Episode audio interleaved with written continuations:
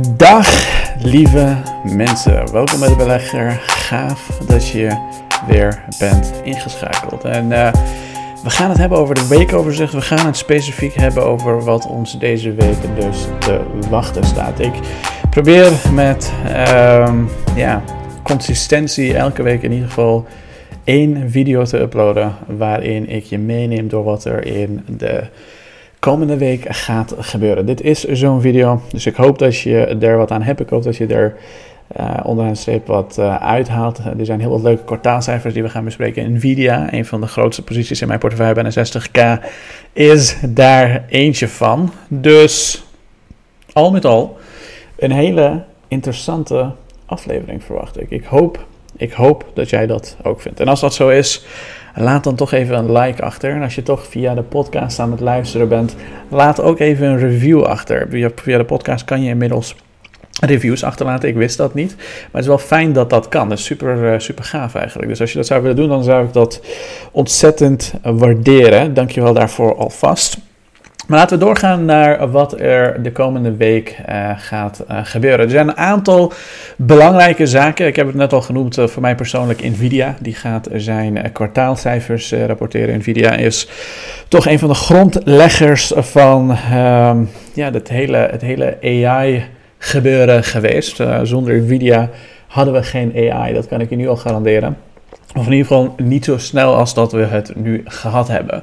Om een beetje een idee te geven om AI te kunnen faciliteren, heb je even de meest krachtige chips ter wereld nodig die Nvidia heeft ontwikkeld. Nvidia heeft initieel de A100 chips uh, ontwikkeld en die hebben ervoor gezorgd dat bijvoorbeeld dingen zoals Midjourney en ChatGPT en dergelijke überhaupt recht van bestaan hebben. Dat is ook wat je terugziet in de koers van Nvidia. Nvidia is de afgelopen jaren uh, natuurlijk ontzettend volatiel geweest. Dus de meningen over Nvidia zijn ontzettend verdeeld. Je hebt aan de ene kant de, laten we zeggen even oneerbiedig, randebielen die zeggen dat Nvidia um, vergelijkbaar is met Cisco in uh, de dotcom-bubbel. Uh, ik denk dat degene die dat zeggen, uh, vandaar dat ik zo een beetje oneerbiedig randebielen noem, degene die dat zeggen, uh, dat die ook misschien niet goed genoeg begrijpen hoe de dotcom-bubbel in elkaar stak. Nu ga ik je natuurlijk ook niet vertellen dat Nvidia helemaal naar de maan gaat, want dat is ook de andere kant. Die zegt, ja jongens, AI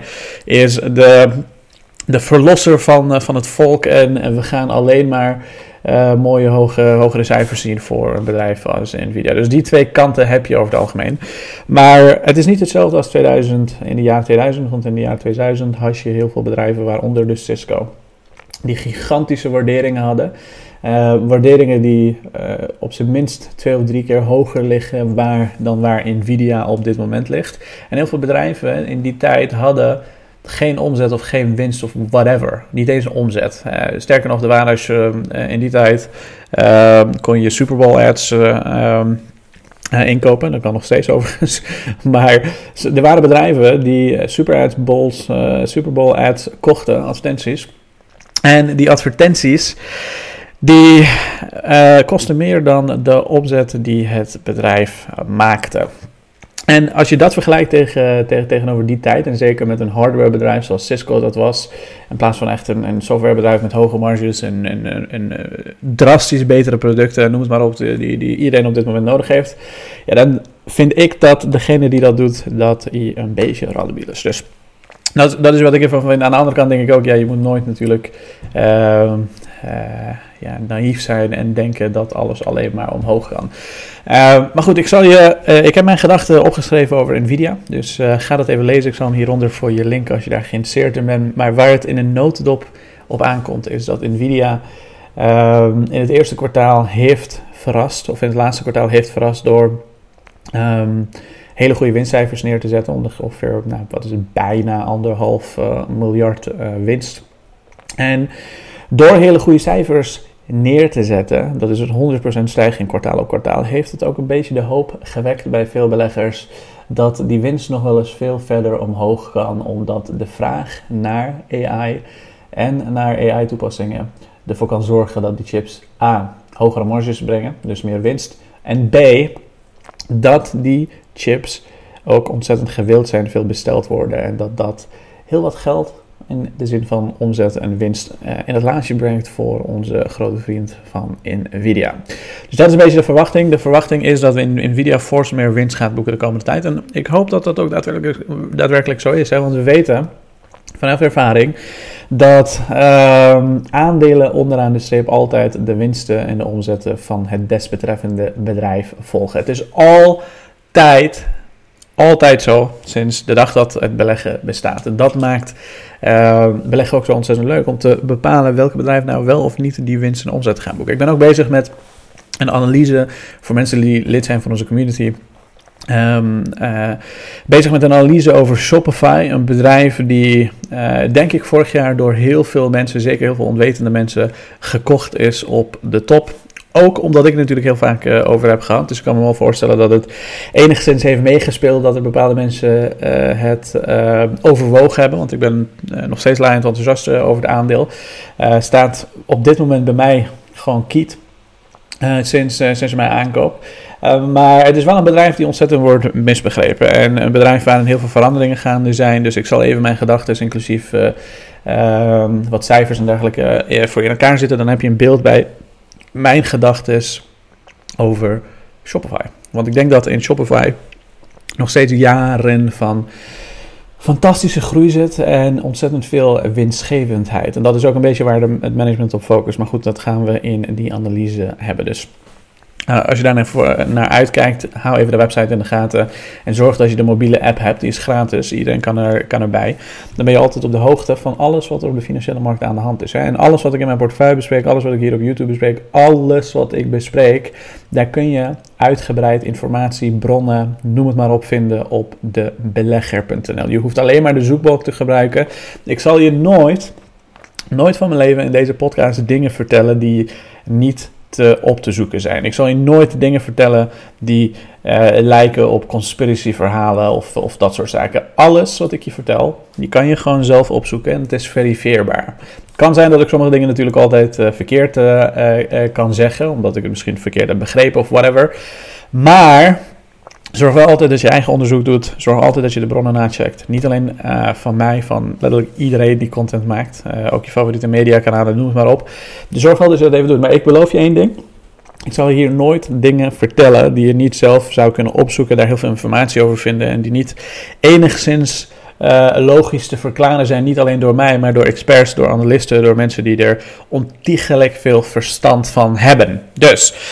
Dat gezegd hebbende, laten we allereerst even inzoomen op deze uh, onderzoek, op dit onderzoek van Carson Welt. Carson Welt is een bedrijf die regelmatig onderzoeken publiceert, uh, helpt be, uh, ja, mensen om hun vermogen te beleggen. En daar kan je heel veel over zeggen. Hè. Dat hele artikel kan je nog even zelf voor je ehm, nalezen. een aantal dingen die ik interessant vond, is toch wel de uh, het feit dat de inflatie zo uh, ontiegelijk hard aan het, uh, aan het dalen is, maar ik denk dat we dat inmiddels allemaal weten. Maar twee dingen die ik belangrijk vond in een onderzoek. Eén is deze grafiek hier. Je ziet hier dat zij onderzocht hebben hoe aandelen zich ehm, gedragen als het eerste kwartaal ongeveer 5% ehm, rendement heeft opgeleverd voor de S&P 500. En daar hebben ze elk jaar in meegenomen die, uh, die, die, die, waarvan het handig is om dat, uh, of wanneer dat gebeurt is, laat ik het zo zeggen. En je ziet de, e-, het ene jaar betere cijfers dan het andere. Je ziet vooral 1987 een min 15% in kwartaal 3. Uh, en ga zo maar door. Maar over het algemeen zie je dat in kwartaal 2 dat dat zich gewoon doorzet. En in kwartaal 3 dat dat zich dus ook gewoon doorzet. Dat vond ik interessant genoeg om even te delen. Want je weet op dit moment, zeker in deze tijden, zijn er op de beurs ontzettend veel doemdenkers, ontzettend veel negativiteit. En ik, ik, ik, ik vind het prima om negatief te zijn ergens over. Overigens, ik ben regelmatig negatief over uh, zaken waarvan ik zeg, jongens, dat, uh, dat klopt helemaal niet helemaal. Maar je moet ook de, de andere kant van uh, optimistisch is natuurlijk ook een stukje ja, naïviteit. En je moet nooit naïef zijn. Er zijn altijd gevaren, er zijn altijd dingen die kunnen gebeuren. Maar het is wel goed om op de hoogte te blijven van en de positieve en de negatieve kanten. Uh, maar er zijn wel heel veel negatieve, ja, negatieve verhalen de afgelopen tijd. Ja, als, als de beurs een beetje gedaald is en, en, en er is wat economische malaise, noem het maar op, dan is het heel makkelijk om te roepen, uh, negatieve dingen te roepen. En negatieve dingen roepen, dingen die angst en hele heftige emotie bij mensen kunnen opwekken, dat zorgt natuurlijk onderaan de streep ook ontzettend veel uh, voor heel veel aandacht, voor heel veel volgers, voor heel veel klanten. We weten in de marketing bijvoorbeeld dat als je uh, mensen angstig kan maken dat ze verkeerde beslissingen nemen, dat je heel veel daaraan verkoopt. En dat is toch wel wat heel veel mensen doen. Hè? In deze periodes, ik zie het uh, altijd aan mijn cijfers, wanneer het goed gaat op de beurs, dan, ja, dan, dan, dan, dan, dan, dan zie je iedereen een beetje daar achteraan gaan. Maar wanneer het slecht gaat op de beurs, dan zie je die echte sales-tijgers en aandachtvragers. Die, die zeggen: jongens, de markt gaat crashen, de beurs gaat crashen. Dat is tien jaar doodgeld. En dat soort onzinnige, niet onderbouwde zaken roepen die nergens op zijn. Maar goed, de, dit, uh, dit, dit, dit ja, uh, onderzoek van um, Carson zegt denk ik genoeg. Dus uh, laten we zien wat er gaat gebeuren. Zij denken, verwachten, als je even naar deze signals kijkt, dat het waarschijnlijk, naar deze signalen, dat het waarschijnlijk zo'n 23% rendement zou kunnen opleveren als we uitgaan simpelweg van gemiddeldes, waarin een gelijkwaardige situatie was als in het uh, verleden. En Natuurlijk, hè, we hebben het net over een andere, andere situatie in de zin dat inflatie wat hoger is, dat de rentes een stukje hoger zijn dan, dan gewoonlijk. Maar gemiddeld is, die bestaan natuurlijk niet zomaar, dus, dus er is altijd een kern van waarde in. Misschien zal het niet 23% zijn, maar wat minder. Maar over het algemeen het is wel iets om, denk ik, rekening mee te houden. Het kan zijn dat we de komende weken, en zeker als we wat meer positiviteit krijgen, dat is die Amerikaanse schuldenplafond wat uh, ja, weg hebt naar de achtergrond.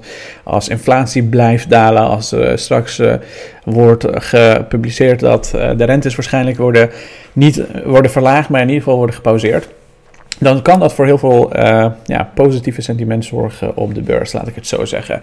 Maar goed, dat zijn dingen waar we natuurlijk geen enkel controle over hebben. De dingen waar we wel als beleggers controle over hebben, zijn de bedrijven in onze portefeuilles en ons onderzoek die wij in die bedrijven stoppen.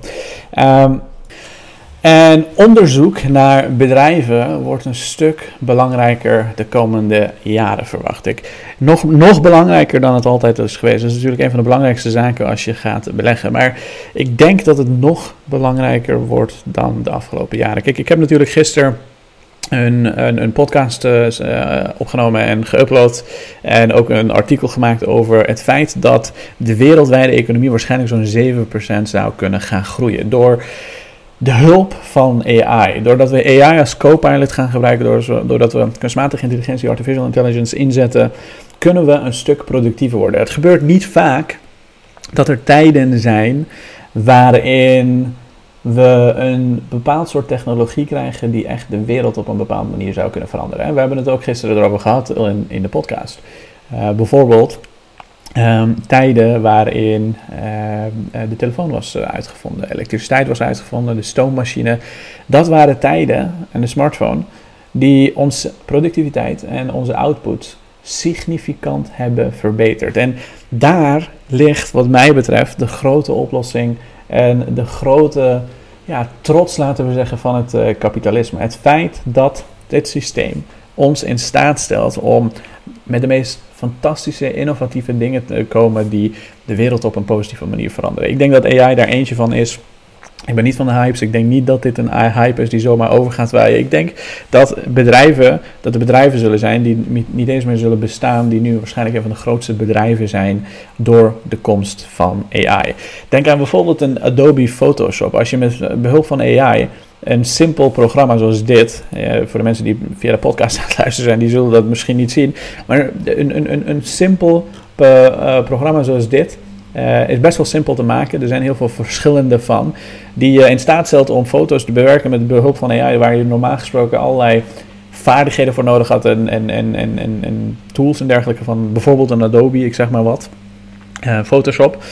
Um, is dat inmiddels niet meer nodig. Het is inmiddels niet meer nodig. En dat betekent dus dat er bedrijven zullen zijn die daar gewoon heel veel last van gaan hebben. Je zag het in de education sector, in de educatiesector, laten we zeggen, uh, in learning and development van mensen. Dat er heel veel bedrijven zijn die dat daadwerkelijk in hun winsten zien. Bijvoorbeeld Check is een bedrijf die zag uh, ontiegelijke daling in hun omzet en in hun winst. Omdat mensen toch liever leren van bijvoorbeeld een stukje AI. uh, artificial intelligence. In de zin van je kan het aan ChatGPT vragen, dus je hebt de leraar niet meer nodig, zou je kunnen zeggen. en dat is op zich interessant om te zien. Dat is een interessante ontwikkeling. En dat maakt het zo dat als jij in de verkeerde bedrijven zit, in de verkeerde aandelen zit, die waarschijnlijk gedisrupt gaan worden op een manier die wij nu nog niet eens kunnen omvatten dan kan je jezelf nog wel eens flink in de voet gaan schieten. Dus als je daar echt angstig voor bent en je hebt het gevoel, ik weet het niet, misschien is het toch handig om de wetenschap in te duiken van ETF's, de wetenschap van de indexfondsen. Misschien is dat toch wel een interessante optie om te overwegen als je je toch zorgen maakt daarover. Maar laten we toch even teruggaan naar dat eh, AI-gedeelte. Ik ben benieuwd naar de mensen die uh, nu naar mij zitten te kijken, uh, of naar mij zitten te luisteren. Uh, ik ben benieuwd welke industrieën en welke bedrijven jij disrupt ziet worden. Ik kreeg namelijk een berichtje van Hans die zei dat hij twee bedrijven, Automatic uh, Data Processing en Paychecks met een X, dat hij die twee ziet uh, ontzettend in, in, waarde ziet dalen. En ik heb gevraagd waarom. Hij heeft een heel verhaal geschreven. Ik zal hem even voor je voorlezen. Wel, dit zijn Hans zijn woorden. Deze twee specifiek benoem ik omdat die twee de enige in de markt zijn die ik mogelijk interessant vind voor nu. De HR-markt is meer waar ik op doelde, waar veel van de taken overgenomen kunnen worden. Zo zullen er bijvoorbeeld meer markten zijn, maar ik kwam zelf als voorbeeld met de HR-markt. Denk bijvoorbeeld aan uh, de behoeftes van medewerkers. AI zal ook een lerende goed uh, al lerende goed kunnen inspelen op die behoeften.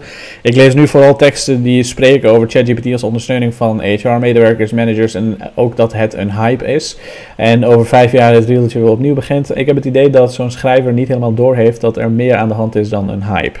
En, en het ook niet bij ChatGPT blijft. En ik ben daar het 100% mee eens met Hans. Ik denk niet dat AI een uh, ja, misschien dat er minder mensen het over zullen gaan hebben of zo, maar het gaat wel serieuze impact in de samenleving uh, hebben. En ik deel dit soort dingen overigens niet zomaar op Instagram. Hè. Als je bijvoorbeeld kijkt naar deze conveyor builds. Is een bedrijf die naar de beurs wil gaan, Grey Orange uh, heten ze.